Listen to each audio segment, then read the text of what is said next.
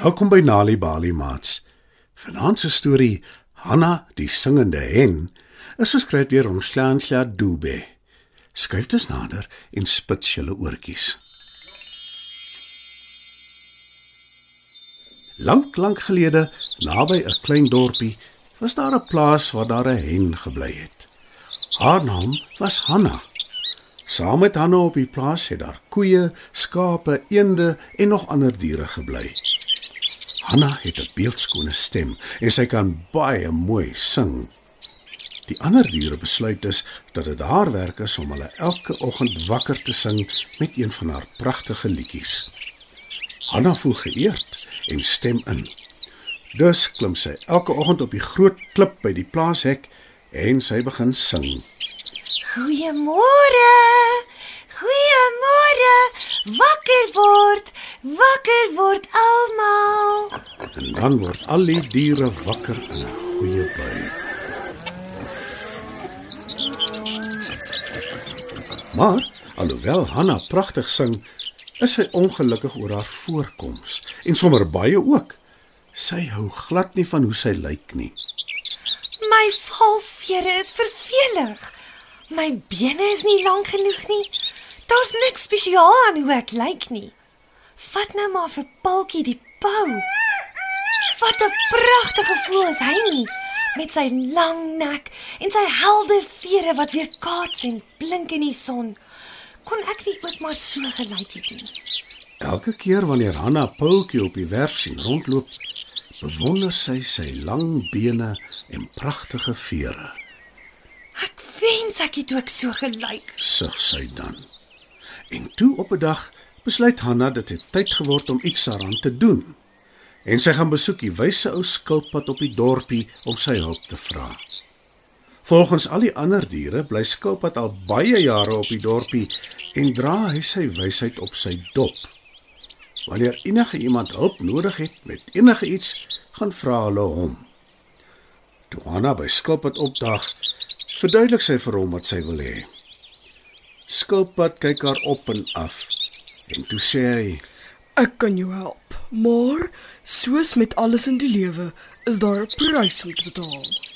Hanna is baie gretig en sy knik instemmend. Skilpad waarsku opnuut.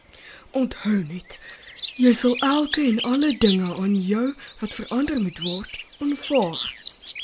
Hanna luister net met 'n halwe oor na Skilpad. Sy het klaar besluit sy gaan beeldskoon wees en dit is presies wat sy wil hê. Beloof ek sal alles aanvaar. Al wat ek wil hê is om ook mooi en spesiaal te wees, soos ander voëls. Antwoord sy.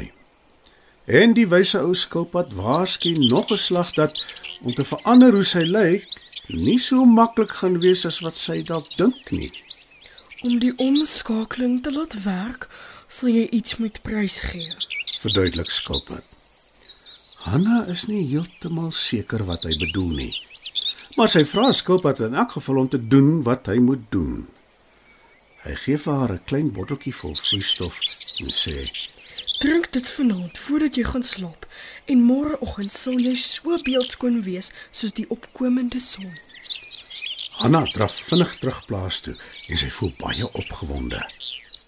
Sy besluit om sommer vroeg te gaan slaap die aand. En voordat sy haar oë toemaak vir haar nagrus, drink sy vinnig die inhoud van die botteltjie wat sy by skilpad gekry het.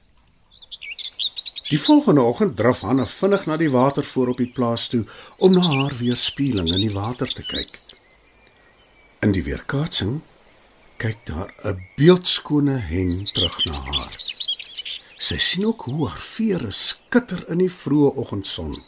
Daar is silwer, goue en diep purper kleure. Hanna kan haar opgewondenheid nie betuil nie. So gelukkig is sy dat sy uit volle bors begin sing. Kyk hoe mooi is ek almal. Maar o wee, van haar pragtige sangstem is daar geen teken nie. Al wat uitkom is nare, vals, kras skreeugeluide. Wat het van haar pragtige stem geword? Al die ander diere op die plaas skrik wakker toe hulle die nare geluide hoor en hulle is almal baie bang. Wat op aarde gaan aan? Vra koei. Wat inderdaad? Vra 'n verskrikte haas en hy loer by die gat in die grond uit waar hy blink. Wat is dit wat ek hoor? Dis 'n alleraaklige geluid. Roep 'n eend. Toe besef Hanna hoe bang sy die ander diere maak met die skril kras klanke en sy draf dadelik na skilpad toe. Sy is in trane en skilpad sien haar al van ver af aankom. Sy is heeltemal uit asem. Skil! Skil! Skilpad! My stem! My pragtige stem! Dis weg! Skoonveld! Ek klink verskriklik. Jy moet my help, groot asseblief. Dis 'n ramp. Die wyse ou skilpad is natuurlik glad nie verbaas nie en sê: Ek het jou gewaarsku, Hanna, 'n hele paar keer. Ek het jou gesê jy sal iets moet prysgee om te kry wat jy wil hê. Iets waarvan jy baie hou. Maar nie my stem nie. Dis wat ek doen. Dis wie ek is. Ek sing. Antwoord Hanna in trane. Skilpad glimlag simpatiek en sê: Ek kan jou stem terugbring, maar dan moet jy dit bo alles waardeer en vergeet van al die ander dinge wat jou pla. Hanna weet dadelik wat hy bedoel en sy stem in. Sy weet sy wil eerder weer mooi kan sing as om mooi te wees. Dit is wat haar en al die ander diere op die plaas regtig gelukkig maak. Skilpad gee Hanna se stem terug en sy kla nooit ooit weer oor haar voorkoms nie. Sy sing net. Want sy is na alles Hanna die singende hen. Mats, dit was nog 'n aanbieding van Nali Bali storietyd. Die titel van vanaand se storie was Hanna die singende hen, geskryf deur Nonhlanhla Dube. Het jy geweet dat om tuis vir kinders stories voor te lees en te vertel, hulle kan help om beter te doen op skool? As jy gratis stories wil hê om vir jou kinders voor te lees of stories wat jou kinders self kan lees, besoek die Nali Bali webwerf www.nalibali.org of die Mobi werf www.nalibali.mobi. Daar sal jy stories kry in 11 amptelike tale, asook wenke hoe om stories vir kinders voor te lees en met hulle te deel sodat hulle hulle volle potensiaal kan bereik. Hou ook koerante dop vir die tweetalige Nalibali lees vir genot bylaag waarin daar wonderlike kinderstories en aktiwiteite is. Nalibali. Dit begin met 'n storie. Ons gaan almal na die dieretuin, die dieretuin, die dieretuin. Daar waar ons diere maatjies bly, die diere groot en klein.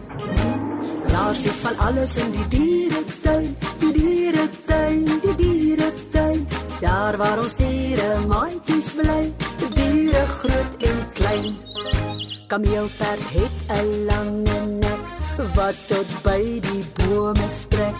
Koning leeu brul baie hard. Sy maan haar kraag is bruin en swart. Flamingo is so pink en sag, wil dans en lyk so bietjie laf. Gorilla sit alweer alleen. Waar's jou vroutjie dan nou hier? Ons gaan almal na die dier